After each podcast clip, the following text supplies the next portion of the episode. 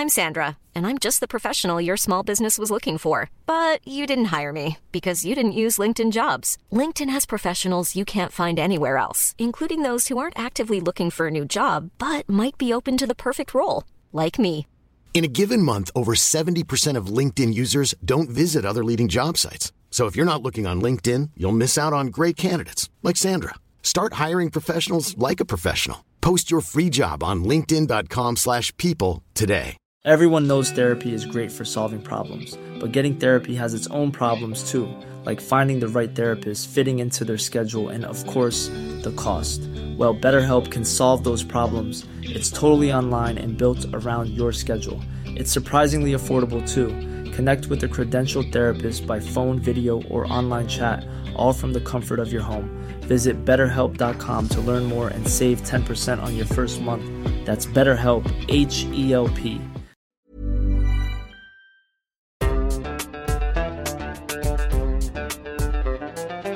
بودكاست صوت.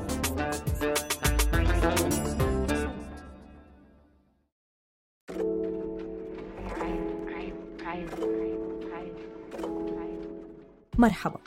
معكم تالا حلاوة من فريق صوت. حلقتنا اليوم استعرناها من بودكاست منبت. حبينا نشاركها معكم نظراً لتقاطعها مع اهتماماتكم كجمهور عيب. أنتجنا هاي الحلقة ضمن ملف نسوي مشترك مع شبكة فبراير. نشرناه في آذار الماضي وناقش الأسئلة المتجددة في العمل النسوي. في هاي الحلقة تحكي لكم زميلتي بسنت سمهوت عن دور الرموز في الحراك النسوي وبتتبع مع ضيفاتها التغيرات اللي خضعت لها هاي الرموز عبر الزمن. وكيف بصير شعر المرأة على سبيل المثال زي ما شفنا بإيران قادر يعبر عن فئات كتيرة ويحمل هموم وقضايا المجتمع. اسمعوا الحلقة وشاركونا النقاش من خلال تعليقاتكم على صفحاتنا على مواقع التواصل الاجتماعي. بتمنى لكم استماع ممتع ومفيد.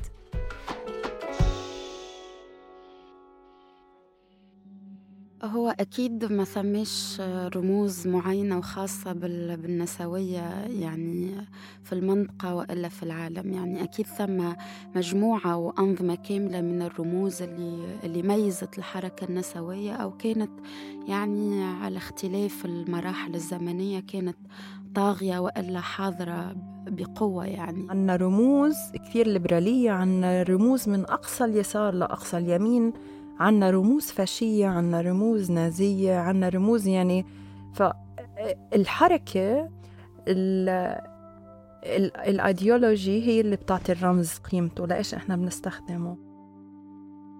أهلا أنا بسنت سمهوت من فريق صوت وفي الحلقة دي حابين نكتشف معاكم عالم الرموز في سياق الحراك النسوي. ليه هي جزء مهم من الحراك النسوي في منطقتنا العربية؟ إزاي اتغيرت عبر الزمن؟ لو في رموز أقوى من غيرها وإزاي المعاني بتتحول مع الوقت؟ ودلوقتي عشان نقدر نفهم ونتعمق أكتر في الرموز معانا؟ ريم بن رجب آه، نسوية وصحفية حرة و- وباحثة في العلوم السياسية من تونس. أنا اسمي فداء الزعنين آه، باحثة في مجال الجندر درست gender studies ريم من تونس وفداء من فلسطين بالرغم من بعد المسافات واختلاف البيئة اللي نشأوا فيها إلا إن تجاربهم كنساء متشابهة جدا. من لما صار عمري 14 15 16 أسأل حالي أسئلة. وبلشت أبحث أكثر باتجاه حقوق المرأة ليش هيك عم بصير؟ ليش أخوي غير؟ آه، طب هل في مثلا مجموعات آه، آه، عم تسأل حالها نفس الأسئلة اللي أنا بسأل حالي إياها؟ وبلش هاي الاهتمام ينمو ينمو شوي شوي لحد ما وصلت للنقطة اللي أنا فيها هلأ. يعني وعي المبكر بأنه نحن نساء مختلفات أو وجودنا وحضورنا مختلف في المجتمع. يعني في سن تقريبا ال 13 ولا ال 14 وقت اللي أول مرة قريت مذكرات طبيبة لنوال السعداوي. أني بديت يكون عندي وعي أكثر عمقا ولا مسيس أكثر في علاقة بقضايا النساء. ومع نضجهم وانخراطهم بالعالم بدأوا ريم وفداء يلاحظوا حركات النضال النسوي. يشوفوا رموزها ويكونوا جزء منها كمان. أنا بتذكر بس نزلت هون مظاهرة في برلين آه ليوم المرأة العالمي آه كان في دقيقة كلنا مع بعض نصرخ صراخ متواصل أمام السجن يعني إشي كمان ضد السجون والمؤسسات العقابية. فكانت الصرخة هاي آه، عبارة عن رمز. في الموجة النسوية الثانية كان ثم تعملت يعني مظاهرات حاشدة على احتجاجا على منظومة مسابقة الجمال في الولايات المتحدة الأمريكية. والنساء أو النسويات في المظاهرات هذيك يعني عملوا ما يسمى بقمامة الحرية أي كل الأشياء أو الرموز التي ممكن أنها تحد من حريتنا أو اللي ترمز إلى معايير معينة اللي هي تحد من حريتنا كنساء.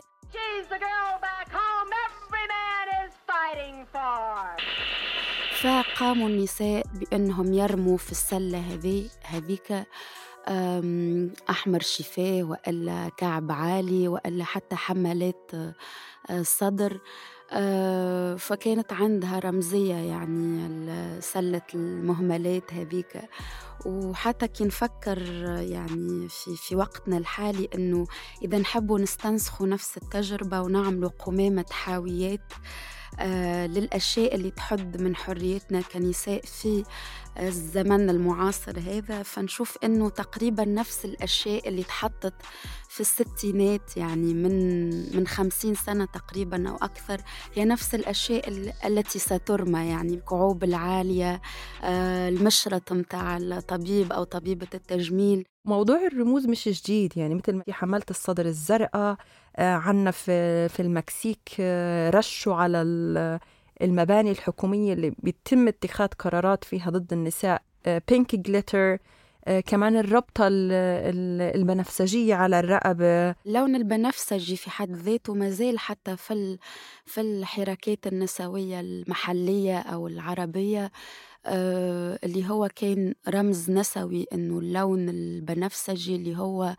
كمزيج للون الأزرق اللي هو لون الأولاد أو الذكور واللون الوردي آه، اللي هو لون البنات.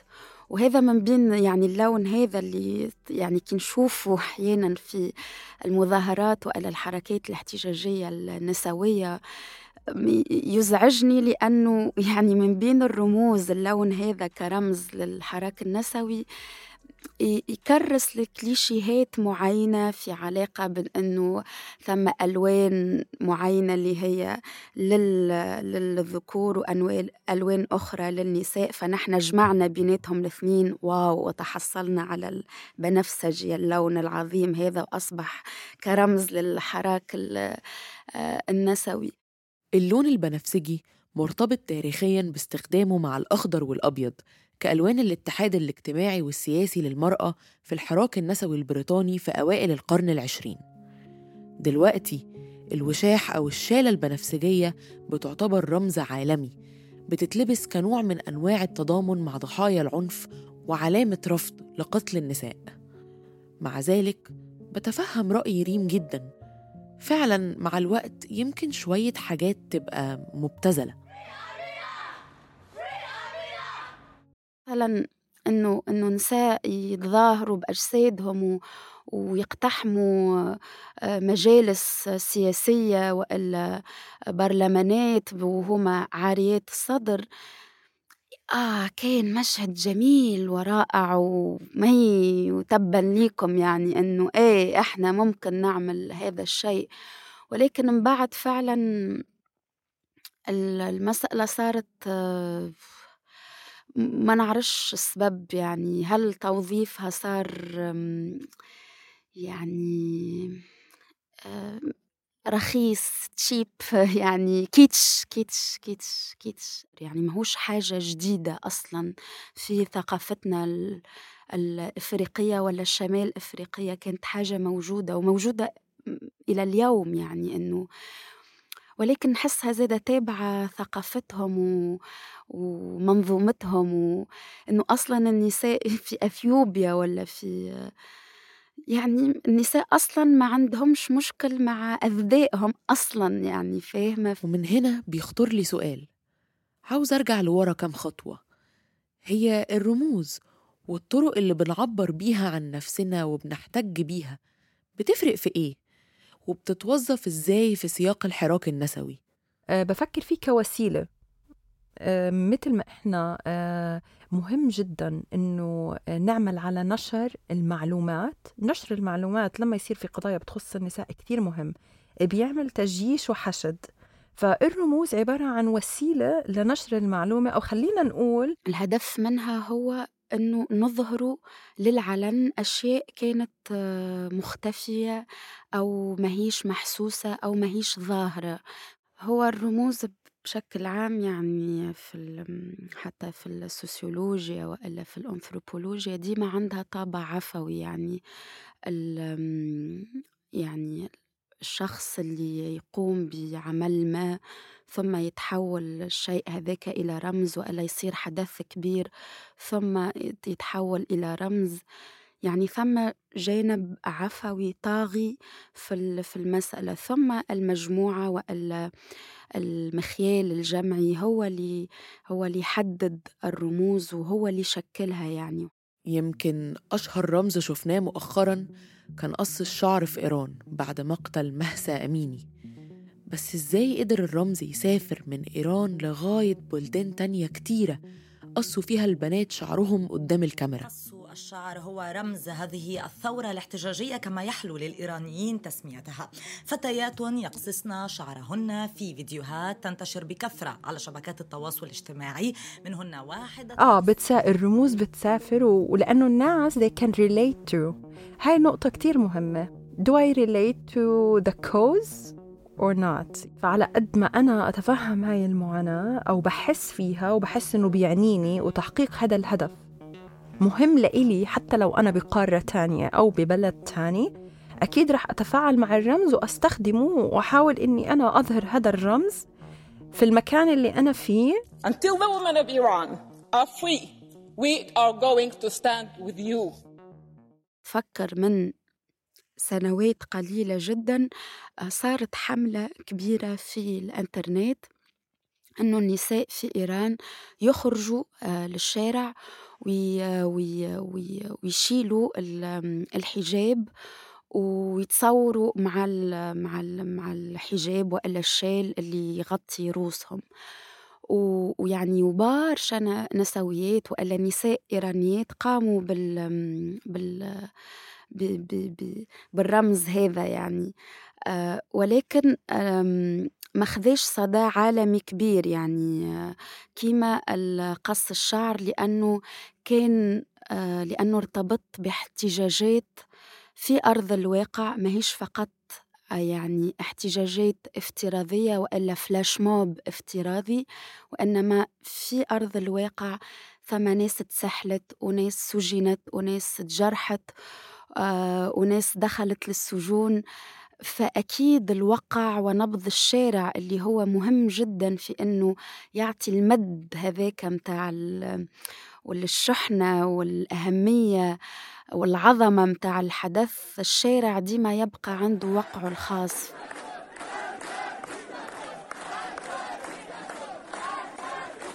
أكيد انتشار الرموز بيكون أسهل وأسرع لما يكون في تحرك على الأرض مع الهاشتاجات. بس ده ما يعنيش إنه الحملات الإلكترونية بتفقد قيمتها لو ما كانش فيه نشاط فعلي على الأرض خاصة في الدول اللي ما فيهاش متنفس للتظاهر من الأساس. فمثلا في 2020 انتشرت قضية الفيرمونت وقضية أحمد بسام زكي في مصر على الإنترنت وتحولت لقضايا رأي عام ومنها اتطور خطاب نسوي واتخلقت منصات دعم قوية جدا على مواقع التواصل الاجتماعي. ما كانش في احتجاجات واضحة وصريحة في الشارع لكن القضايا حصلت على تغطية إعلامية واسعة وتفاعل كبير أدى لانتشار الوعي النسوي ورموزه على منصات التواصل الاجتماعي في مصر. والكلام ده مش في مصر بس بتقول لنا فداء عن حملة نشأت على الإنترنت بعد مقتل ست في غزة.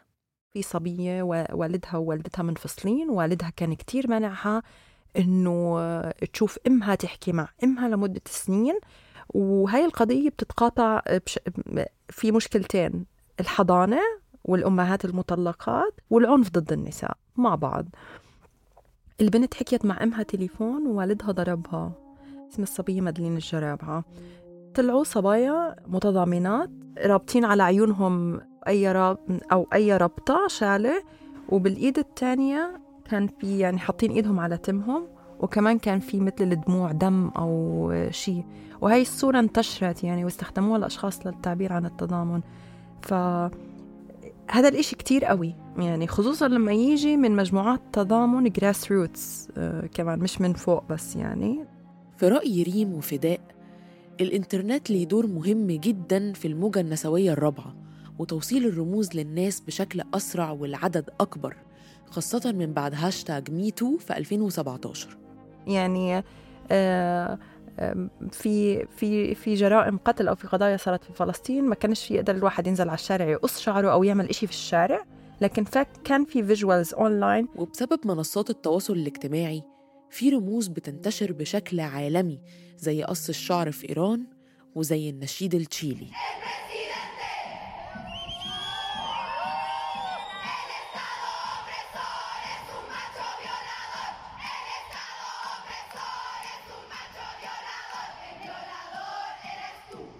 إعادة استنساخ أو تدوير رموز نسوية عالمية في منطقتنا. يعني شخصيا نشوف إنه أي ممكن يكون أمر جيد. وخاصة مثلا يعني النشيد التشيلي هذا اللي هو كان يعني كنشيد عالمي ضد التحرش والاغتصاب والعنف الجنسي ولا العنف المبني على النوع الاجتماعي. يعني في تونس مثلا قمنا بإعادة استنساخ هل هل النشيد هذا. ومن الفكرة هذه عملنا حركة نسوية راديكالية اسمها حركة فلقتنا ولكن ترجمنا النشيد وتونسناه يعني ف فما يعبرش فقط على السياق المحلي تشيلي وإنما أصبح يعبر أيضا عن سياقاتنا المحلية في تونس.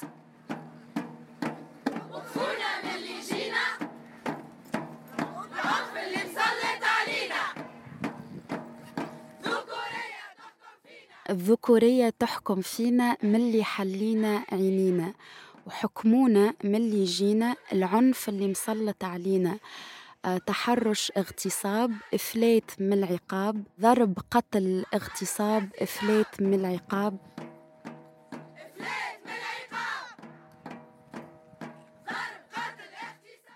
من تونس لفلسطين. بتستخدم الرموز وبتتوظف بأشكال مختلفة ضمن حركات نسوية مختلفة. ممكن يكون الرمز عبارة عن شيء ملموس زي الصدرية الزرقاء اللي انتشرت أيام ثورة 25 يناير في مصر بعد وقعة سحل فتاة التحرير. أو صورة بتتداول أونلاين. ممكن يكون فعل زي قص الشعر أو اقتحام أماكن معينة.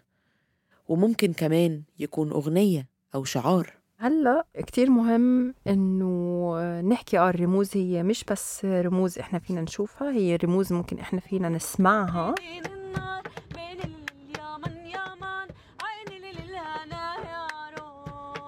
فالرمز عنا عبارة عن لغة عابرة للغات.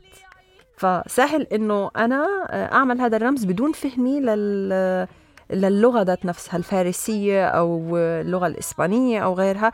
فهذا بيعمل ترابط بين المجموعات المختلفة بغض النظر عن لغتهم وبنفس الوقت بحسسهم بانتماء للقضية اللي هم عم آه، يكافحوا عشانها. هلأ أنا بفلسطين آه، أكواد صوتية أو آه، أغاني لتحذير القرى أو الفدائيين من إنه الجنود المستعمرين عم يقربوا على القرية. فكانوا عم بحطوا أكواد داخل الأغاني عم بغنوا أغاني معينة وبغنوها نساء القرية. وداخل هاي الكلمات داخل يعني اللي ممكن الشخص لو سمعها يقول إنه لا لي لا لا لا هيك إنه شو عم بصير؟ يعني مش مفهوم شيء آه آه عم يحكوا شمال وجنوب بس هي كانت عبارة عن إحداثيات وين الجيش. الحلو في الرموز هي إنها عبرة للحدود والثقافات واللغات. فكرتني الحركة اللي حكت عنها ريم فلجطنا بمصطلح مصري بنقوله وإحنا متعصبين. فلقتوا دماغي هو إنه الواحد من كتر ما في موضوع بجد جايب له صداع وصعب بيقول يعني يا أخي خلاص فلقت دماغي اتقسمت نصين من الوش والصداع. فلقتنا بال... بالتونسي بالعامية التونسية تعني الغضب العارم والشديد. وكانت نحن يعني اللون الأسود كان هو رمز الحركة. أنه بالنسبة لينا كان يدل على الغضب. نلبسه بالأسود و... وكل بياناتنا وكل يعني الجرافيك وهويتنا البصرية كانت بالأسود يعني. لقتنا في 2019 تعاملت الحركة وعملنا يعني النشيد التشيلي هذا المغتصب هو أنت اللي صارت بالتونسي. ومن بعد حركة فلقتنا قمنا بأشياء ميدانية أنه اقتحمنا مسارح أنه عملنا ديتاج على الجدران. ولكن من بعد الحركة بحكم أنها حركة أفقية مش حركة عمودية آه، صارت أكيد خلافات كما أي مجموعة نسوية أو أي مجموعة تتشكل. آه، يعني انحرفنا على هدفنا الأساسي اللي هو الشارع. وطبعا كورونا دمرتنا تقريبا وحظر التجول فتحولنا من حركة اللي هي راديكالية في الشارع إلى حركة تكتب في البيانات السياسية فقط. دلوقتي حركة فلجتنا ما زالت موجودة لكن بيحصل إعادة تقييم لاستمراريتها. ما ينفعش نقول إن الحركة ماتت لكنها مش فاعلة في الوقت الحالي. هل الرموز اللي اتولدت مع حركة زي فلجتنا بتفضل بنفس القوة ولا بتفقد معناها مع ضعف الحراك؟ آه لما الحراك يموت أو القضية بطلت مركزية في النقاشات اللي عم بتصير الرمز تبعها بيموت يعني آه بيختفي بيندثر مع مع اختفاء أو عدم تسليط الضوء على الحراك مع عدم فاعلية الحراك الرمز بحد ذاته ببلش إنه هو يتلاشى في رموز اندثرت وفضلت محافظة على القيمة القوة تبعها وإلها علاقة بالإنجازات اللي حققتها مثل الحراك تبع الحقوق المدنية للسود بالولايات المتحدة. في إنجازات فشخص لما يشوف الرموز الخاصة بيهم لا بيتذكر إنه الفهود السود يعني آه، عملوا أنجزوا. مجرد ما يشوف الرمز بيجلب معه قوته تبعت الماضي للحاضر. فآه في رموز بتموت وفي رموز بتعيش وبتضلها مكفية على حسب قديش الناس بتعطيها قوة. ومش شرط يكون مصير الرمز يا إما الموت أو الخلود. معاني الرموز مع الوقت ممكن تتغير وتعبر عن سياقات مختلفة خاصة بعد ظهور حركات أو مجموعات جديدة بتستخدم نفس الرمز للتعبير عن فكرة جديدة. مثلا اللون الأحمر ممكن يكون إشارة متاع مرور رمز لي في لي لي لإشارات المرور ولكن إذا تتوظف في سياقات معينة وتتحمل بدلالات معينة فإنه الرمز هذا آه، تصبح عنده معاني مختلفة تماما أنه اللون الأحمر ممكن يكون لون ال ال آه، الناس اللي تتبنى الشيوعية المطرقة والمنجل يعني هما أشياء يعني مطرقة ومنجل ولكن في سياقات معينة وحسب يعني قراءات فكرية معينة وفي وسط تنظيمات معينة أصبحت المطرقة والمنجل هما رمز للتيار الشيوعي كما يعني علم الفخر اللي فعلا الألوان هذيك اللي هي كانت آه، اللي هي ألوان عادية يعني آه، ألوان قوس قزح اللي نشوفوه في في الطبيعة. آه، يعني تحول إلى مصدر متاع وصم وخطر. الرمز لوحده مجرد من المعنى. إحنا بنخلق المعنى بطبع العالم حوالينا وظروفنا الاجتماعية والسياسية. للبعض الحجاب بيرمز للقمع وللبعض الآخر الحجاب بيمثل لهم إيمان وحرية. لكن في الآخر الحجاب لما نجرده من كل المعاني هو عبارة عن قماشة ملونة. ولأنه ثقافتنا ومناطق سكننا بتأثر مش بس على ابتكارنا للرموز ولكن كمان على طريقة تفاعلنا معاها. مش دايما سهل كلنا نوافق على نفس الرمز حتى ولو كنا بننتمي لنفس المجموعة. هو نحن أكيد يعني ال- الغاية متاعنا كنسويات هو إنه آه، نحن كنساء نتضامنوا مع بعضنا يعني مهما كانت الظروف والسياقات. يعني حلو جدا إنه تصير آه، ثورة نساء في إيران. وإنه واحدة في بنغلاديش وواحدة في في بريطانيا وواحدة في تونس وواحدة في المغرب تتضامن تتضامن معاها. ولكن في نفس الوقت نحن عنا يعني سياقاتنا مختلفة على السياقات الغربية وإلا وإلا الأوروبية. فلما فداء في فلسطين عم بتواجه قمع مشابه للقمع اللي عم بيواجهوه النساء في إيران وأنا أقص شعري على العلن في حين إنه ممكن يكون أساسا مش مسموح لإلي إني أنا أطلع شعري أساسا. فلا هاي هاي يعني هاي إشارة إنه آه، أنا عم بقاوم. يعني هذا الإشي كمان ممكن يكون خطير علي. أنا ممكن يكون مجرد مثال يعني ممكن مرفوض جدا من المجتمع. فبرسل رسالة للنساء بإيران إنه إحنا معكم عارفين ال- الحجم تبع المخاطرة اللي عم تاخدوه بس قضيتكم هي قضيتنا وبندعمكم. لما سامانثا في أمريكا مسموح لها فيها تقص شعرها بس سامانثا لا عاشت التجربة ولا كان relate to it وما بيترتب على مشاركتها عليها هي. بالأساس أي عواقب ما عندي مشكلة إنه سامانثا بأمريكا تروح تعمل هذا الإشي لو كان بشكل collective grassroots وعن جد له تأثير على أرض الواقع. كمان مثلا هل هو جزء من حركات قاعدية ولا هل هو مجرد ترند لشكل الترند آه، إنه أنا بدي أعمل؟ أو في أشخاص بيعملوه لحتى يحسوا إنه هم آه، ارتاح ضميرهم. أنا عملت اللي علي وهذا هو بكفي. عندي صديقة نسوية كلمتني في في الهاتف هي تسكن في في باريس. ونحن عنا صديقتنا أخرى نسوية اللي هي يعني يوم المحاكمة متاعها كان عندها محاكمة لأنه آه، ثم بوليس اعتدى عليها بال- بالعنف.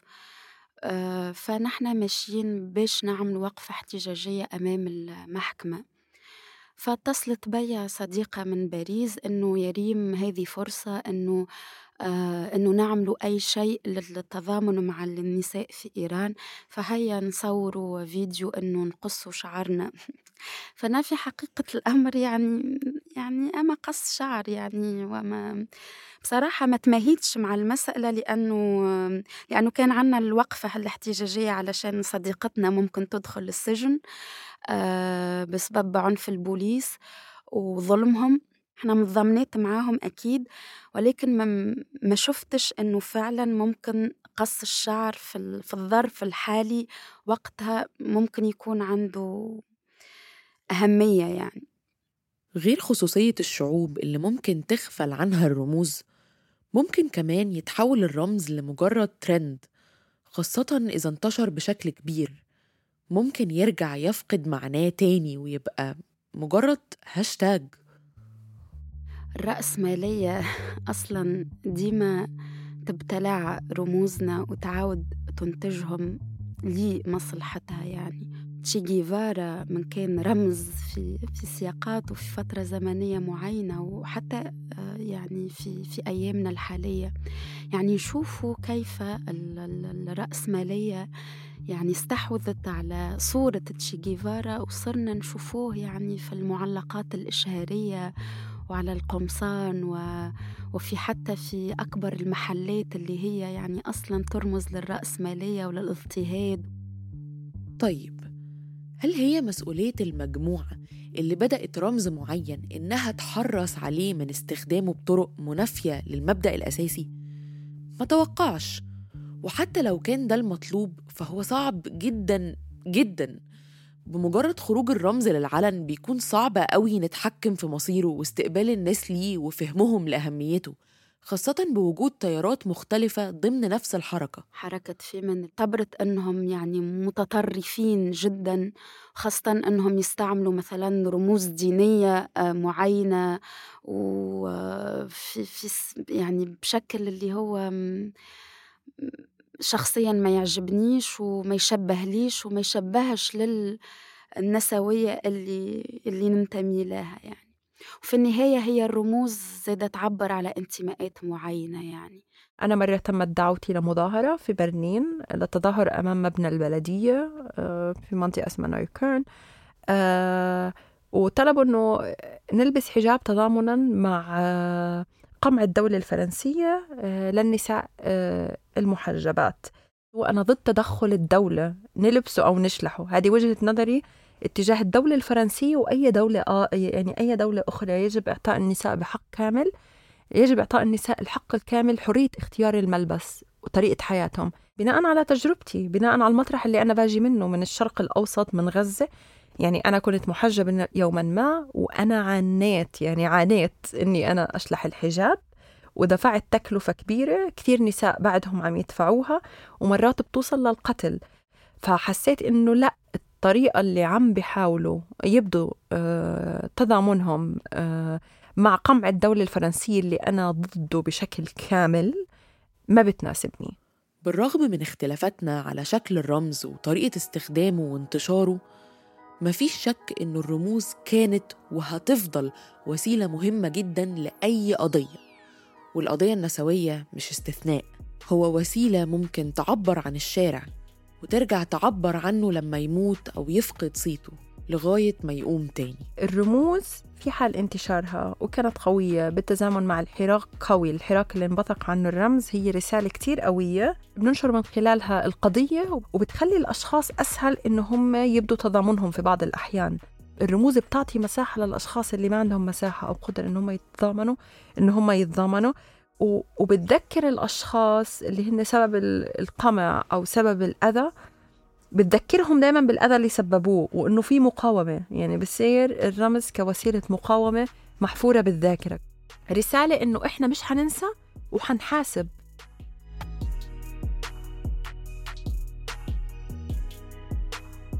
حابة أشكر فداء وريم على مشاركتهم تجاربهم وآرائهم وخبراتهم معانا. كنت معاكم من الإعداد الكتابة والتقديم بسنت سمهوت من التحرير تالا العيسى وتالا حلاوة ومن هندسة الصوت حسام علي. ما تنسوش تشتركوا في قناة منبت على تطبيقات البودكاست عشان توصل لكم تنبيهات الحلقات الجديدة. بودكاست منبت من إنتاج صوت.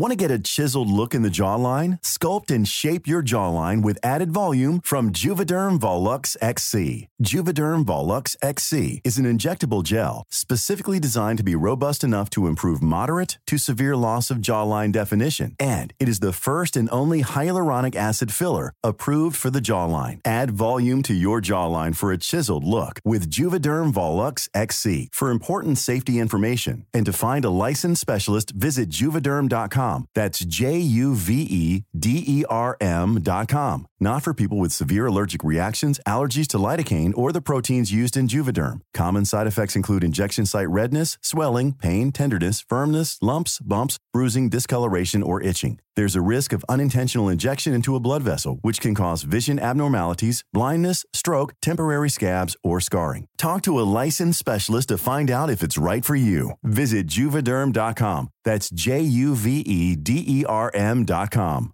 Planning for your next trip? Elevate your travel style with Quince. Quince has all the jet setting essentials you'll want for your next getaway, like European linen, premium luggage options, buttery soft Italian leather bags, and so much more. And is all priced at 50 to 80% less than similar brands. Plus, Quince only works with factories that use safe and ethical manufacturing practices. Pack your bags with high-quality essentials you'll be wearing for vacations to come with Quince. Go to quince.com/pack for free shipping and 365-day returns.